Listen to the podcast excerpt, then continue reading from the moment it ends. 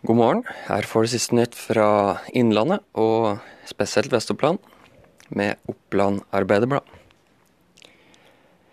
I disse dager eh, retter NHO Innlandet, Nelfo Innlandet, Eidsivanett og Elsikkerhet Norge søkelyset mot ulovlig arbeid.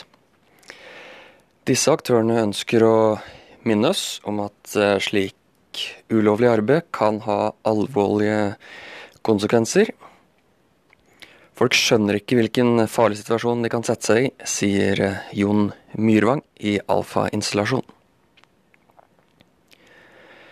Politiet advarer mot eh, svindlere i Innlandet som eh, stjeler kort og lommebøker.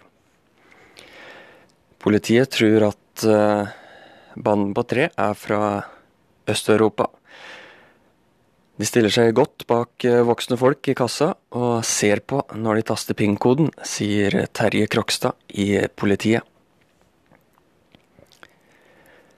Andreas Østerud er enig med Gjøvglin og skrev i går eh, en kontrakt med klubben.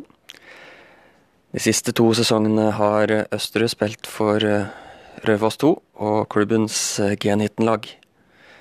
Han ble ikke tilbudt A-lagskontrakt med Raufoss, og sier til eh, Oppland Arbeiderblad at han er klar for å vise alle i eh, Raufoss og Gjøvik at uh, han egentlig var god nok for uh, førstedivisjonsklubben.